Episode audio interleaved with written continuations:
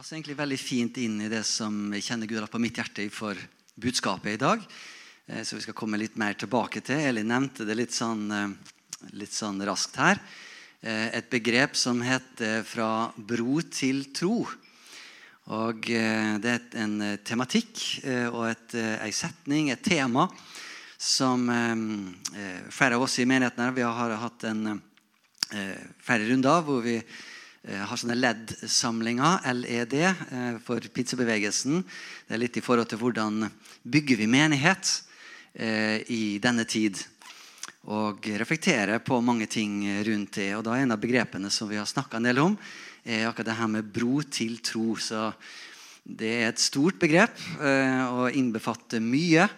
Men jeg skal i hvert fall berøre det litt her, så jeg håper at det kan få stimulere til videre refleksjon og, og samtale eh, rundt det her. For eh, det jeg skal snakke om i dag, vil være et tema som ikke er ferdig i dag, men som jeg håper vil, vil være en, en, en fortsettende samtale eh, på reisa vår sammen. For dette er et sånt tema som, som hele tida er aktuelt, og som vi hele tida må samtale om, reflektere over og finne ut av også sammen. Så jeg skal si litt mer om det. Men før vi gjør det, så jeg har lyst til å ta en sang. Vi hadde akkurat kollekten nå, og vi har lytta allerede til en rekke ting. Og vi har så mye å være takknemlig for. Har vi ikke det? Det Er noen som har noe å være takknemlig for? Rekk opp hånden hvis du har noe. Et eller annet som du er takknemlig for. Vi, vi har det godt. Vi har også vanskelige tider. Vi har også ting som kanskje kan være litt vanskelig. Ofte så er jo livet litt sånn i kontraster. At vi har både og. Vi opplever ting som er godt, og ting som er bra og oppmuntrende. Men kanskje akkurat samtidig med det så opplever vi også på andre sider av livet at eh, ting kan være litt vanskelig, krevende, og vi, vi, vi vet ikke helt kanskje hva vi skal gjøre med visse konkrete ting, kanskje. Og vi søker Gud om visdom og, og prøver å ta steget til beste evne. Så sånn er litt livet. Men eh, Paulus han skrev det til en av menighetene. Eh, så skrev han det at eh, gi takk i alle situasjoner. Eh, til enhver tid. Så uansett hvor vi befinner oss hen, om vi er litt høyt oppe på fjellet og kjenner at livet er topp, eller om vi er litt kanskje langt ned i dalen og kjenner det at nå har jeg det litt eh, tøft, eller vi er en plass imellom et eller annet sted, så er det alltid rett å vende blikket oppover og så takke Gud og gi takksigelse til Han. Så den sangen her den heter 'Give Thanks'. og vil gjerne være med og synge på den hvis du kjenner den og du har lyst til å synge med.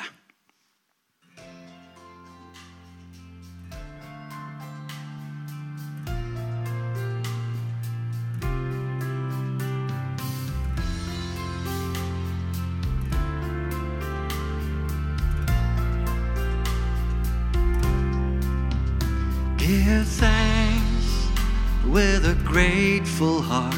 Give thanks to the Holy One. Give thanks because He's given Jesus Christ, His Son. Give thanks with a grateful heart. Give thanks to the Holy One. Give thanks because He's given Jesus Christ, His Son. And now let the weak say, I am strong. Let the poor say, I am rich because of what the Lord has done for us. And now let the weak say, I am strong. Let the poor say, I am rich because of what the Lord has done for us. Give thanks. Give thanks to the Holy One. Give thanks because He's given Jesus Christ, His Son. Give thanks with a grateful heart. Give thanks to the Holy One. Give thanks because He's given Jesus Christ, His Son. And now let the weak say, I am strong. Let the poor say, I am rich because of what the Lord has done for us. And now let the weak say, I am strong. Let the poor say, I am rich because of what the Lord has done for us. Give thanks.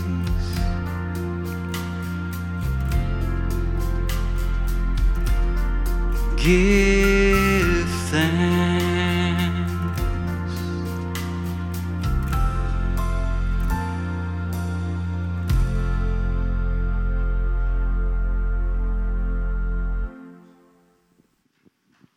Amen. Vi har så mye å være takknemlig for.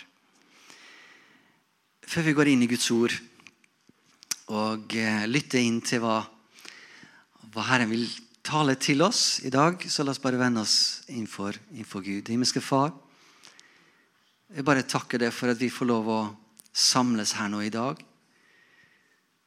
Det er et privilegium, Herre Far, å få være del av ditt rike, få være en del av en menighet, få være del av et fellesskap hvor du er i sentrum.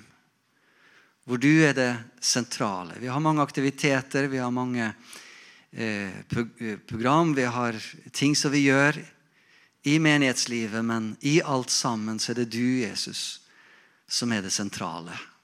Det er du som hele tida må være i sentrum, og, og som trenger å være i sentrum.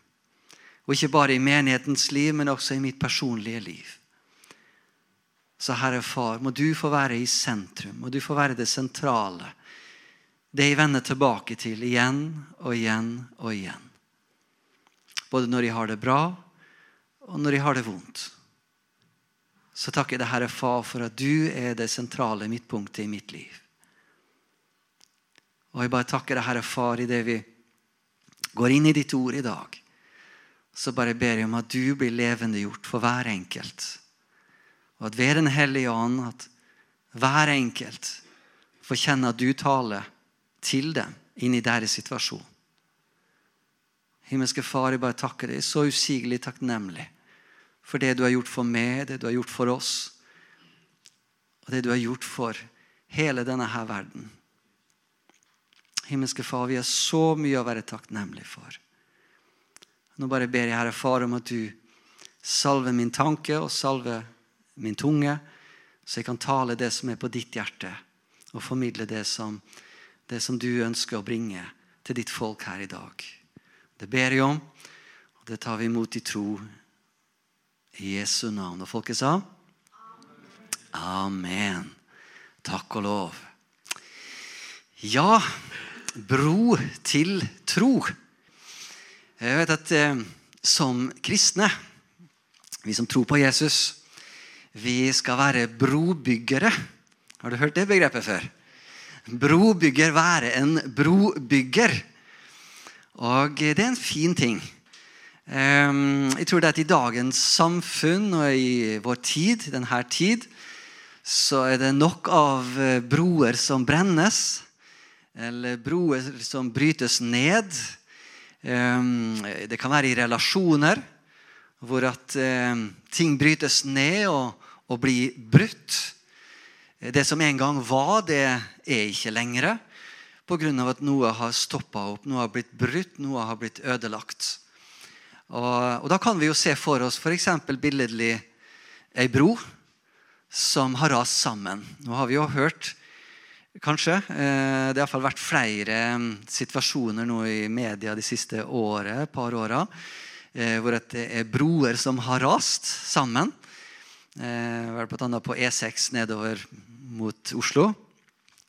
Så det er i hvert fall to broer som jeg har fått med meg. ene var vel ei gangbro, og den andre var vel ei bilbro, tror jeg. Som hadde rast sammen.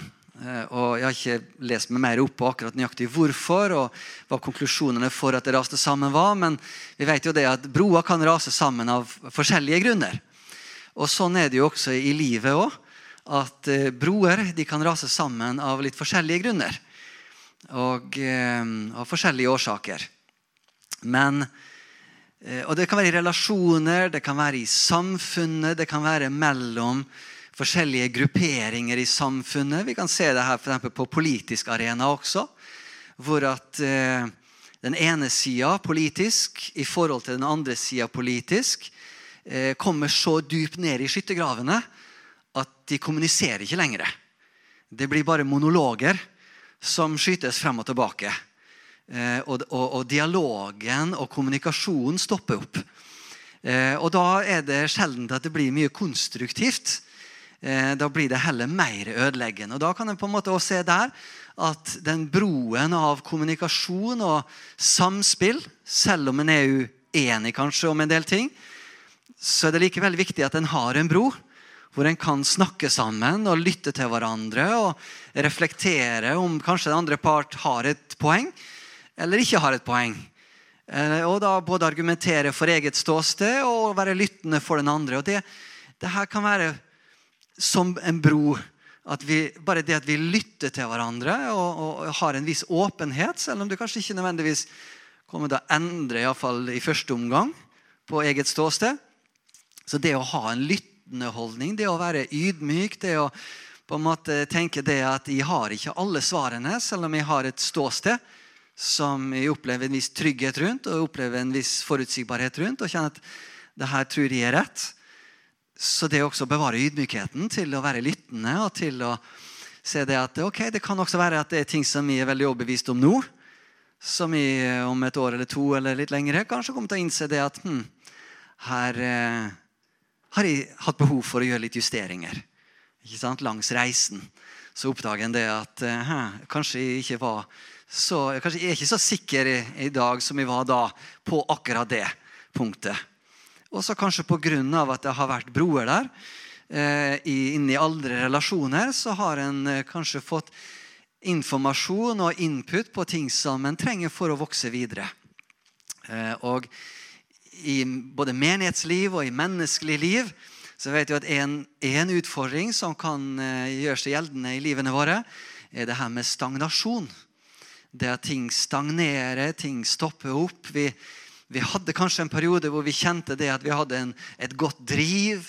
Vi kjente det at vi hadde fremgang, vi kjente det at det var inspirasjon. Også og så av litt forskjellige grunner. Livet skjer, er noe som heter. Og så ender vi kanskje opp med å stagnere litt. Vi, vi føler det at ting stopper opp. Og da kan broer inn til andre relasjoner være viktige. Blant Bl.a. for at vi, vi, vi, vi får litt hjelp til å, å, å, komme litt videre. Kanskje det er ting som har låst seg litt, som eh, i relasjon med andre. Det tror jeg er en av hemmelighetene og en av verdiene og en av om vi kan bruke ordet, diamantene i menighetsliv, er nettopp det at vi lever liv, ekte liv, sammen. At vi, det er så lett når vi kommer sammen, at vi, vi tar på oss masker. Nå er det søndag. Nå er vi liksom, nå er vi hellige igjen. Og så resten av uka så lever vi litt sånn uhellig og litt sånn eh, hverdagslig. Eh, og litt sånn, kanskje litt mer ekte. Og så kommer vi på søndag, og så viser vi vår beste side. Og det er fint å vise vår beste side. Og så kan det være fint å vise også det at ikke sidene våre alltid er på det beste. Det er også dager hvor eh, vi er kanskje litt på vårt verste, eller en plass midt imellom. en, en plass. Og vi kjenner det at vi må igjen og igjen vende tilbake til både relasjoner og til, men, til Gud og be om tilgivelse. Be om forsoning. Si, Gud, nå trenger jeg at du berører meg igjen. Jeg ser at der gjorde jeg feil i min relasjon med det. Og Det leder meg til det andre sida med bro og brobygging. er at Vi trenger å ha en bro mellom vårt hjerte og Guds hjerte. Vi trenger å ha en bro i vårt trosliv også. Og der kommer kanskje spesielt tematikken her nå i dag inn med bro til tro. Fordi Jeg regner med at de fleste av oss, eller alle av oss her i dag, har hatt en reise før vi kom til tro. Før vi kjente at det landa endelig i vårt hjerte i forhold til vår tro til Jesus og vår, vår tro til Gud. Så var det en reise der. Og den reisa den eh, kunne innbefatte litt forskjellige ting. Så eh, vi trenger broer, og vi trenger å være brobyggere i relasjoner og med andre mennesker og i et menighetsliv. At vi har mange gode broer som vi kan, som vi kan dele liv i sammen med. Men den aller viktigste broa, det er den broa vi har til tro. Den broa som vi har som er kobla til Jesus Kristus. Og eh, det leder meg jo da litt inn i Hvis du ser på det bildet der, så ser dere vel det at det er et kors. Og du ser det er en som er på reise. Og eh, I fjor så hadde vi en studie spesielt i eh, husgruppene hvor vi tok for oss det med trosfundament. Og Da var det grunnleggende fem steg som eh, vi snakka om, som har med denne trosreisen og det å bygge et sunt og godt trosfundament i vårt kristne liv. Eh, og eh, fulgte vi bl.a. Peter fra han var ukjent med Jesus, til at han ble eksponert for Jesus og begynte å bli nysgjerrig på Jesus. og Etter hvert så begynte han å følge Jesus, og så var det liksom litt steg for steg helt til at Jesus for av gårde. Og han var en av de som skulle bære det videre. Det var en modningsprosess, en modningsreise, eller det som vi snakka om i fjor, som vi kalte en disippelreise. Og det er en, for så vidt en Disippelreisen det er en sånn reise som aldri tar slutt. Den fortsetter så lenge vi er her på jorda. Jeg tror vi fortsetter der oppe også, men akkurat nå så er kanskje vår hovedfokus på det som skjer her, i det her livet, her nede. Men da har vi en disippelreise som beveger seg gjennom et helt liv. Og i denne vandringen med Jesus så er jo en av målene å komme til modenhet i Kristus. Så mens vi enda er her på jorda, fra vi tar imot Jesus, og kanskje til og med før vi tar imot Jesus, så er vi på en trosreise. Og en av målene som Bibelen snakker om for en troende i Kristus, er det å vokse og modnes frem til modenhet i Kristus. Og Det ser vi veldig fint da med Peter, som eh, helt tidlig var, var ukjent med Jesus. Og så var det en reise hvor at han ble mer kjent med Jesus, begynte å følge Jesus, opplevde ting sammen med Jesus. Det var både oppmuntringer og formaninger han opplevde. Men i denne reisa på tre og et halvt år så var det en modningsreise også hos Peter. Som gjorde det at når tiden kom, hvor Jesus da for av gårde og sa det at nå gir jeg stafettpinnen til dere. Og jeg kommer til å legge igjen Den hellige ånd, som vil veilede dere og vise dere veien videre. Så var Peter kommet til en modenhet i sin vandring med Jesus som gjorde det at han var klar for å ta det steget av ansvar, lederskap, eh, og, og, og, ta de neste stegene videre. Um, så vi ser, vi ser denne litt lang, lengre reisen fra før vi møter i Kristus og, og, og har en, en, vei fremover, helt til en modenhet i Kristus. Så er det litt sånn, litt sånn Jeg skal ikke si akkurat det er et minus, men det er et, et reelt fakta til, som er i, i motsetning til vår naturlige modenhet. Eh, Iallfall som fysisk er det at kroppen vår den vokser fra barn og opp til ungdom og videre til voksen litt uten at vi kan styre så veldig mye med det. Den vokser. Eh, og så kan det være liksom Den indre prosessen den kan, kan kanskje variere eventuelt eh, om den modnes, men kroppen den modnes. Men vår åndelige liv det kan bevege seg litt sånn frem og tilbake. Så hvis, særlig hvis vi stagnerer i vår trosreise, så kan vi ende med at vi begynner å skli tilbake igjen til et barnestadie eller et, et lavere stadie i din disippelreise. Derav så ser du sånn som i Hebreerne, eh, kapittel eh, 4 og 5 der, eller 5 og 6 er det var kanskje, eh, så, snakkes, så formaner Paulus hebreerne om det at eh, dere som var modne, nå må jeg gi dere melk og, og altså føde for barn igjen. Så hva har skjedd med dere? Så her ser vi hvor at vår trosreise den, den kan du ikke sette på automat.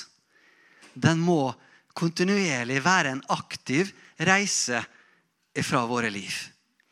Så, men hele tiden så er litt det her å, å vokse til, til, modenhet og videre i modenhet eh, med Kristus. Så det her er litt av da, litt det, det store perspektivet. Men så kan vi zoome det ned til den første fasen. Den første delen, som er veien til tro.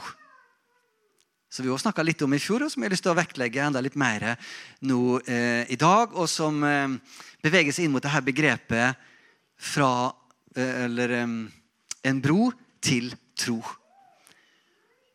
Så hva snakker vi om da? En bro til tro. Jo, da tenker jeg det at Vi skal få et bilde her òg. En trosreise. Hvis du ser for deg denne broa Og så la oss si at den eh, punktet som vi er her nærmest, der er du uten tro. Eh, kanskje eh, ateist, kanskje likegyldig kanskje ikke interessert, kanskje motstander mot alt som har med religiøst og eh, sånne ting å gjøre. Hva enn stedet måtte være, så kan du se at den ene sida av broa, la oss si den nærmeste her, er der hvor en ikke har tro og kanskje ikke er interessert. Og så har du på den andre sida så har du der hvor at en har kommet til tro på Kristus. Så hvordan ser da denne reisen ut? Og det er kanskje det jeg har lyst til å eh, Heller enn å komme til en endelig konklusjon i dag, så er jeg kanskje mer ute etter å starte en samtale. Så vi kan fortsette å samtale over og diskutere for det her med hvordan bringer vi mennesker til tro. Fra å være f.eks. likegyldig og uinteressert. Eller være sterk motstander og ikke vil ha noe med tro eller religion eller kristendom eller hva, sånne ting å gjøre. Vil ikke ha noe med det å gjøre. Og hvordan kan denne reisen fra det ståstedet se ut frem til en personlig avgjørelse av å følge Jesus Kristus for resten av mitt liv? Og hadde vi hatt masse tid her nå, så skulle vi gjerne hatt et vitnemøte. Og bare lytta inn til alle deres sine reiser. For jeg tror vi alle sammen her i dag kan fortelle om en reise. Jeg kan fortelle om min reise. Jeg vokste opp i en kristen, god familie. Og hvor eh, det åndelige var i, i sentrum, troen var i sentrum. Samtidig så levde vi håper jeg, normale, ekte liv. Men jeg måtte likevel, selv om at jeg på en måte vokste opp i en kristen familie hvor troen var sentral, og pappa var, og mamma var jo involvert i menighetsliv, slik at vi, eh, når vi hadde talere som kom, så var det ikke uvanlig at de overnatta hos oss og bodde hos oss. Så, og, så det, var, det, kunne både være spennende og interessant å ha gjestetalere som da etter møtet eller før, eller liksom i, i da, mer eh, avslappa setting, fortalte om alt de har opplevd eh, i forskjellige settinger og på misjonsmark osv. Levde trosliv. ikke sant? Og Det er jo litt spennende å lytte til og lytte inn til og, og, og, og være nysgjerrig på. Men samtidig så kunne ikke Jeg oppdaga jo det i særlig tenårene, at, eh, at jeg kan ikke bygge min tro på mine foreldre. Det er ikke mine foreldres tro som gir meg evig liv med Kristus. jeg må komme til et ståsted sjøl. Men da kan det være mange forskjellige ting som er med på å lede meg frem dit. Og som jeg synes var så fint i forhold til det som vi hørte litt her med familie. Liv, familiefokus, som jo jeg tror er en viktig Særlig hvis du har det privilegiet å få vokse opp i en kristen familie. Ehm, så er det en, en veldig flott ting og en veldig verdifull ting. Men samtidig så er det ikke en automatisk ting.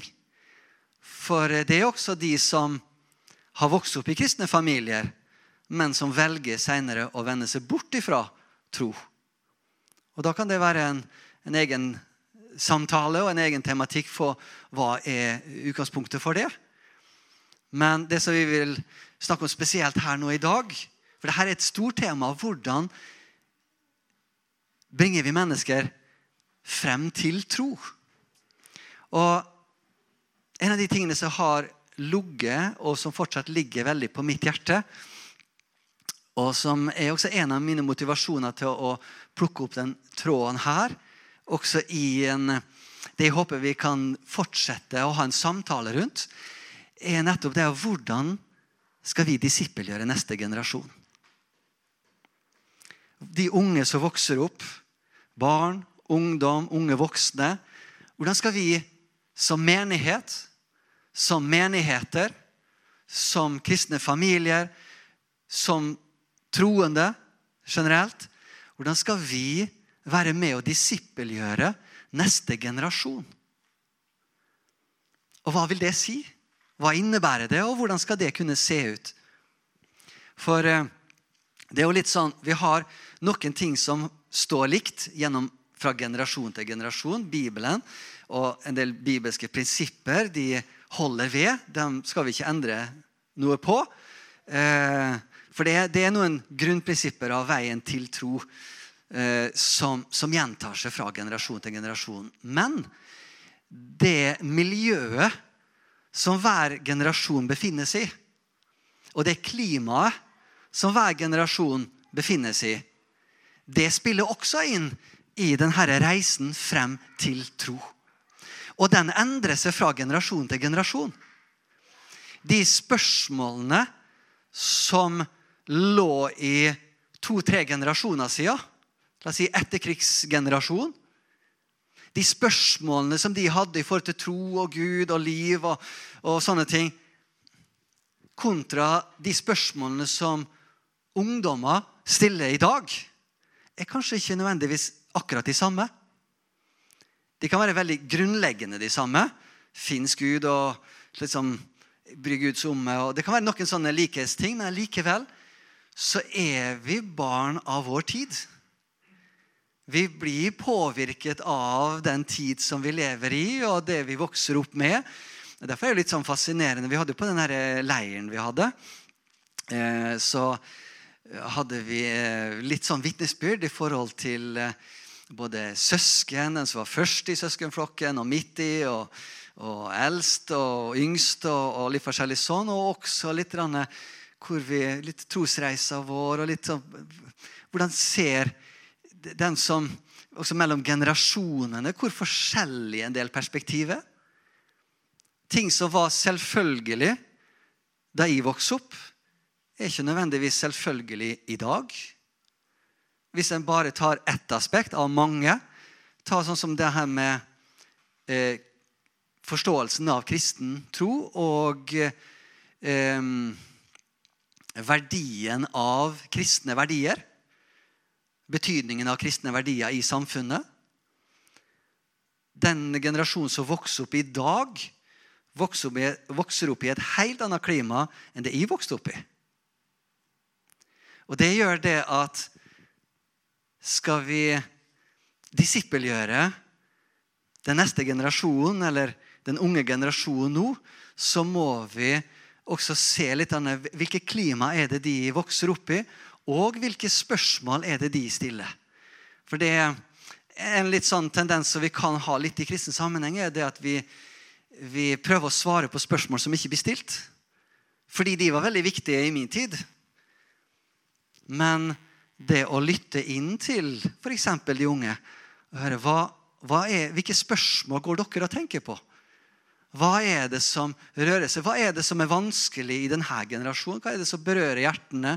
Hva er det som er krevende? Og så har hver generasjon litt sin reise, litt sin historie. Eh, og eh, jeg vet ikke om du har vært borti det. Det har blitt definert litt forskjellige sånne generasjoner. Generasjon X og Z. Og, du har liksom, og da er jo, det ligger jo det litt i at de er ikke helt like. Fordi at det miljøet de har vokst opp i, har vært litt forskjellig. Og skal han da nå og samtale og kommunisere med en enkeltperson eller en gruppe eh, eller en aldersgruppe, så, så er det viktig at, dialog, at, det er en dialog og ikke en monolog eh, i den relasjonen. Så, så det her med hvordan denne reisen kan se ut, det syns jeg er et, et spennende tema. Men jeg tror også det er et kjempeviktig tema. Og jeg tror det er også et sånt tema som er veldig viktig at vi ikke går på automat. Og bare tenker at det som var viktig for at jeg kom til tro, det er også viktig for alle andre. Men at den reisen, for Hadde vi tatt et vitnesbyrdrunde nå En av tingene vi har kommet til å oppdage, er det at våre forskjellige, våre forskjellige reiser er veldig forskjellige. Vi finner at den ene hadde reisen litt sånn og sånn, mens kanskje nestemann var reisen helt annerledes. Så det å da klare å skille og klare å manøvrere litt i hva er likt for oss alle sammen i reisen frem til Kristus, og hva er ulikt? Og hvordan kan vi være med og bidra til at mennesker får eh, ta steg på denne reisen? Um, en ting som jeg har reflektert litt over, og det er både sett det her i eh, både eget liv, men også i mennesker som jeg har fått møte og fått hjulpet på, på denne reisa frem til tro, så har jeg sett at det er gjerne en progresjon. Jeg vet ikke om du har hørt det her begrepet om det med å, at det er en tid for å så, og så er det en tid for å vanne, og så er det en tid for å høste. Og eh, jeg vet ikke, Du kjenner til også en sånn av mange utfordringer i eh, det kristne landskapet. Eh, er jo eksempel, og er jo så glad i evangelistens gave og evangelistens tjeneste. Men noen ganger så kan evangelisten bli litt for ivrig med det at alle må komme til tro nå. Men så er det noe med det at hver enkelt har også sin personlige reise og en viss modningsprosess frem til det personlige valget. Og Hvis vi på en måte tvinger igjennom personer til å ta et valg når de ennå ikke er moden for det, så kan vi ende opp med det at de faller fra igjen. fordi at du har jo bare ett eksempel, er jo det med barn som blir for tidlig født. Hvor mye mer sårbar de er. Eh, og at det er større sjanse for at det, kanskje det barnet vil dø pga. at det ikke enda har fått den tida av modning slik at det er klar for den fødselen og da inn i det, den nye situasjonen, det nye livet. Så her er iallfall en refleksjon som jeg har gjort eh, og har tenkt mye på. Hvor jeg har sett i menneskers liv hvor at det første steget er gjerne en reise fra likegyldighet eller motstand til en nysgjerrighet. Og hva som vekker nysgjerrighet hos en enkeltperson, det kan være så forskjellig. Fordi at vi mennesker er forskjellige. Noen har behov for å få samtaler som er kanskje litt mer intellektuelle, litt mer reflekterende. litt mer, De sitter med spørsmål og trenger en samtalepartner til å reflektere over livet, spørsmål ting spørsmål som er viktige for dem. Jeg har sett personer som fordi at de ikke har fått gode svar på viktige spørsmål for dem, så har de skjøvet til sides kristen tro fullstendig og sagt at nei, da skjønner jeg det at en kristne tro har ikke svar på det her. Så da får jeg gå videre til noe annet og se om det gir mening, eller det gir svar. Og I 1. Peters brev, kapittel 3 og 14-15 der, så står det det at vi skal være rede til forsvar. Eller enten å forsvare eller forklare troen for mennesket når vi blir stilt til regnskap for den tro som vi har i Kristus. Og nå kan det være at vi alle sammen, meg sjøl inkludert, jeg har ikke svarene på alle ting. Så det er gode muligheter for å komme med spørsmål til meg som jeg hmm, Det der må jeg tenke litt på. Det der må jeg kanskje få litt av tid. Men vi en, bygger vi en relasjon, så kan vi komme tilbake igjen. Da kan vi være ærlige og si at, du, at hm, det der var et godt spørsmål. Du, Kan vi ta en reise på det spørsmålet? Kan vi utforske det sammen? Så noen for å bevege dem videre mot tro. Noen trenger en samtalepartner. noen trenger, for det Kanskje noen har også kanskje blitt fora med en del eh, mistro og mistillit i forhold til kristen tro. Visse påstander som ikke nødvendigvis stemmer, men som har satt seg. Og som da, da trenger hjelp til å sortere og finne ut at den påstanden som vi kjøpte om kristen tro eller om Bibelen, som er eventyrbok og, eller osv. Det, det er masse forskjellige påstander der ute som, som ikke stemmer helt, men som personer har landa i deres hjerte og trenger en samtalepartner for å, for å løsne på de her knutene. Slik at de kan se jo, faktisk, kanskje kristen tro har faktisk litt mer å gi enn det jeg trodde først. Og så får, vekkes det opp en nysgjerrighet. Du, Fortell meg litt mer. Du, det, Den siste samtalen vi hadde, det, det var faktisk jeg vet at De var kanskje litt frekke og litt uh, kranglete, men det var faktisk litt interessant òg. Så vi har har et, nytt spørsmål, og så er dere i gang. ikke sant? Og så har dere en reise sammen, og så må du be Den hellige ånd om hjelp. For det er Den hellige ånd som bringer mennesket til tro. Det er ikke vi, men Den hellige ånd skal bruke oss på denne reisa eh, som en kanal. Men så kan det også være mennesker som opplever det at det er kanskje ikke den intellektuelle eller reflekterende, for den kristne tro er også en reflektert tro. Det er ikke bare følelser eller Gud er der oppe en plass. Det er faktisk Den kristne tro har en veldig rik arv på å være en reflektert tro. Så noen har behov for å få et møte med den reflekterte sida av kristen tro. Men så er det også andre som har behov for å erfare. Erfare Gud. De har behov for å møte den siden av troen og den kristne tro som er det som vi kaller for erfart tro. At det ikke er bare ord, ikke bare tanker, ikke bare ideer, men at det også Gud kan berøre meg og mitt liv. Her har vi aspekter som det med bønnesvar. Det kan være en sånn konkret ting som Hvis du vandrer sammen med noen som, som kanskje har mer behov for den erfaringsbaserte troslivet, så kan det være det at en har behov Si at nå har jeg det vanskelig, eller nå er det litt kronglete i livet mitt her. Så kan du si at ja, men du, kan ikke vi be? Nei, jeg vet ikke om vi tror noe på det her med bønn. Det er, men vet du at jeg har tro på bønn. Ja vel, ok, da. Få be, da. Så får vi se. Det skjer noe. Og så kan Den hellige ånd virke i situasjonen som gjør at Gud gjør mirakler. Gud vender på ting. Også det her med å oppleve eh, Guds nærvær, f.eks. Som er litt sånn Ikke så lett å kanskje sette ord på, men du får berøring av noe som går forbi, særlig hvis du har en person som er litt sånn materialistisk. Det er bare det fysiske som er reelt, alt annet er bare fantasi. Men så blir du berørt av Guds nærvær.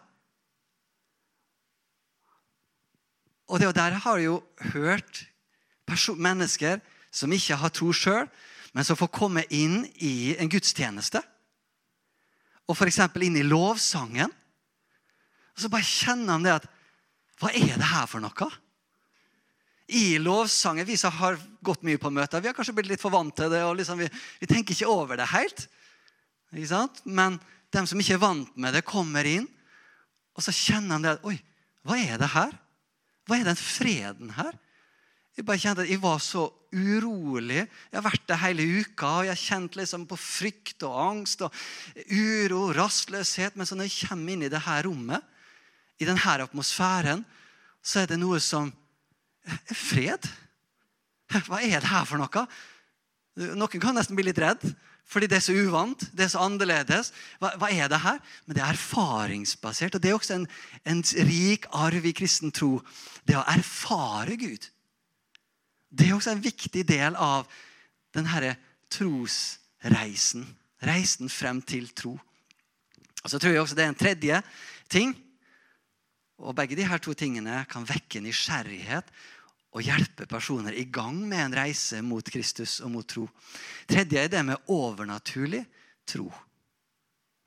Jeg tror at den kristne tro den kristne tro har også en rik arv på det med det overnaturlige. Og jeg tror at Hvis vi tar bort den overnaturlige sida av troen, så tror jeg vi tar bort noe veldig grunnleggende og vesentlig. Bare tenk på denne påstanden. Gud gjør fortsatt mirakler i dag. Jeg tror det er viktig å bevare den tanken i kristen sammenheng. Og Nå er det litt forskjellige fløyer i kristen sammenheng i forhold til hva som en mener bør vektlegges. Noen mener det at det karismatiske og det pentakostale det blir for mye følelser, og det er farlig. Og, det er, og andre igjen syns det blir litt for mye hodebry. Eh, på andre sida igjen, og for mye tenking osv. Men vet du at jeg tror det at det fins en balanse mellom de her tingene. Og jeg tror det at for et sunt trosliv så trenger vi både og. Vi trenger både å reflektere over troen vår. Vi har fått en bibel hvor det og Paulus Hvis du virkelig vil reflektere litt og gå litt dypt i, i, i, i kristen tro, så les romerbrevet, f.eks. Ikke sant? Der, der er det, det, er litt tungt stoff, men det er dypt stoff. Og Det er vanskelig å bli ferdig med det. Men hvis du vil ha litt den erfaringsbaserte, så les evangeliene. Se på Jesus. Han kaster ut demoner. Han helbreder syke irettesette de fariseerne. Altså, her er det bevegelser, her skjer det ting. Både erfaringsbaserte og det overnaturlige. Og Jesus han dør. Og så mot alle odds, iallfall fra et menneskelig perspektiv, så står han faktisk opp igjen. Hva? Fra et materialistisk perspektiv så er det Nei, nei, nei. Det er myte. Det er bare ideer og og oppspinn. Men så er det da veldig, flere veldig interessante eh, historier eh, og personlige vitnesbyrd, bl.a. med en som heter Lee Strobel, eh, og også en som heter Josh McDowell, eh, som har blitt veldig store trosformidlere og trosforsvarere eh, og trosforklarere eh, i kristen sammenheng. hvor de forteller, sånn som for Lee Strobel, som var en granskende journalist, og eh, hadde uh, han var ateist og hadde bestemt seg for at det skulle han være. og hadde ikke noe tro på verken tro eller religion. eller Alt det her var bare oppspinn og bare tull. Men så ble kona kristen.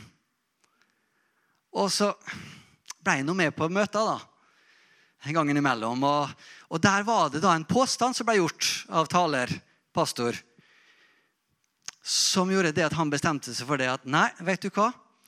Jeg skal bevise at det her er bare oppspinn, at det her ikke stemmer. Og da var det rundt det her med Jesu oppstandelse.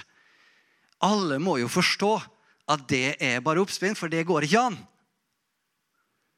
Og han la ut på en reise, siden han var, han var da eh, journalist i en stor avis i USA.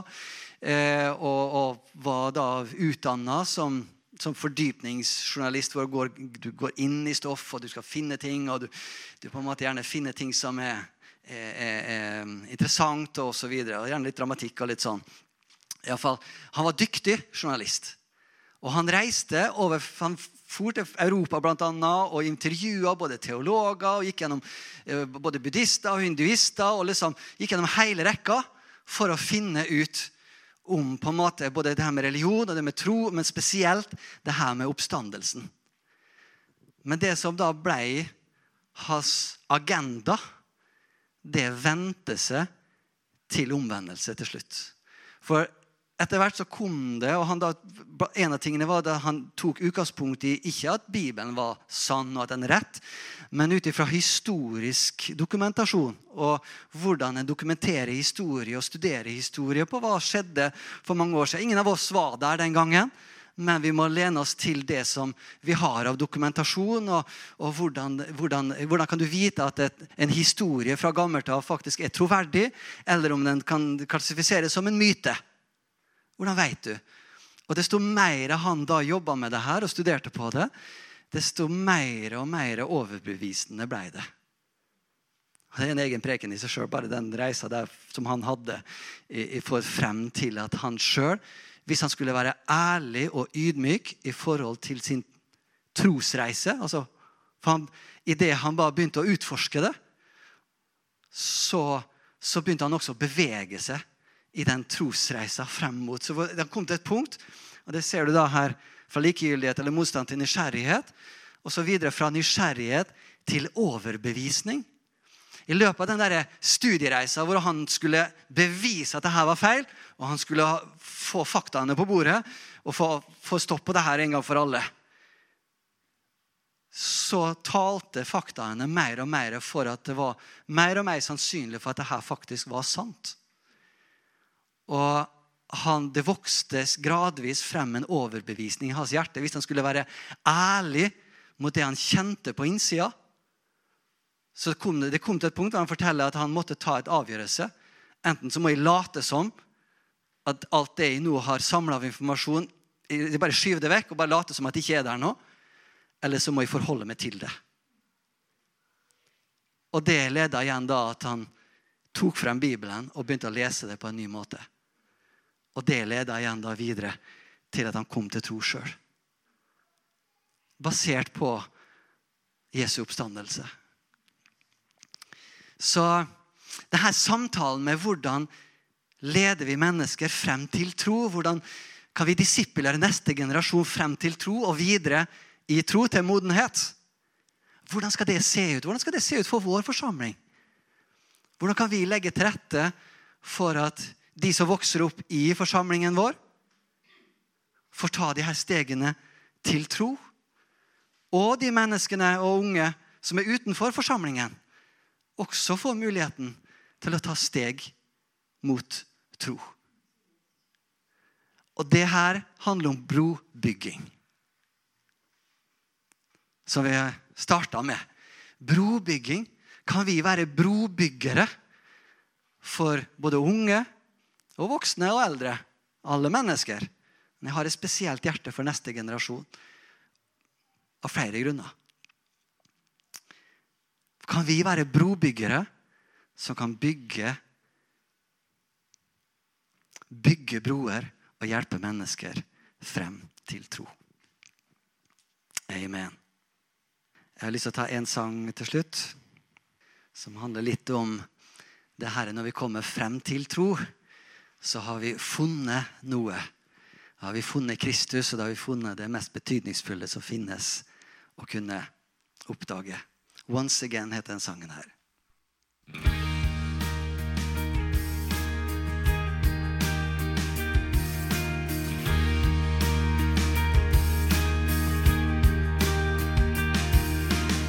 Jesus Christ, I think upon your sacrifice.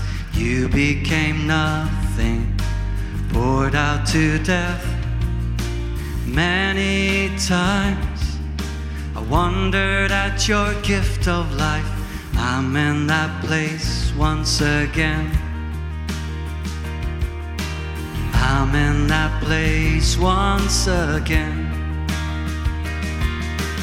once again I look upon the cross where you died humbled by your mercy, and I'm broken inside.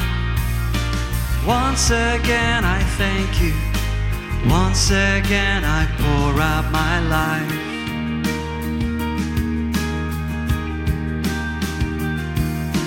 Now you are exalted to the highest place, King of the heavens, where one day I'll bow but for now, I marvel at your saving grace.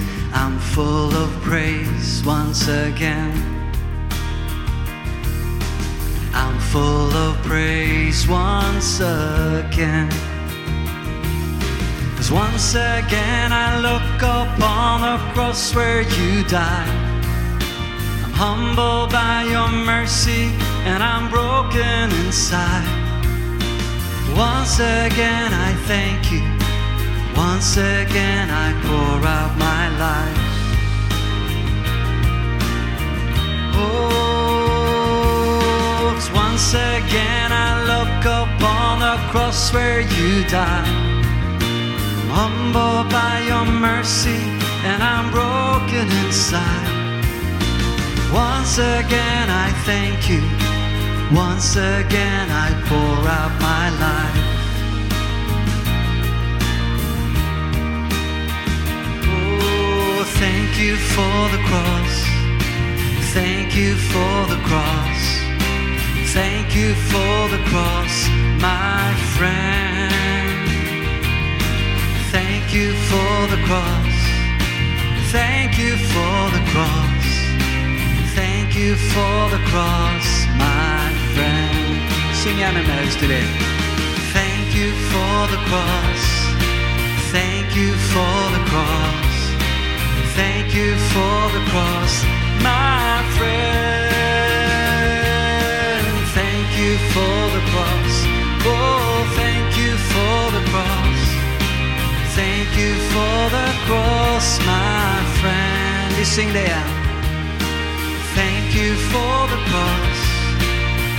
You for the cross.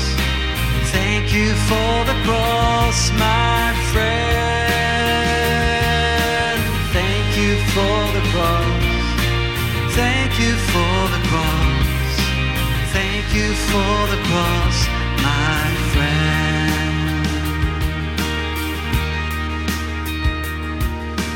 Once again I look upon the cross where you died. Humbled by your mercy and I'm broken inside. Once again I thank you. Once again I pour out my life.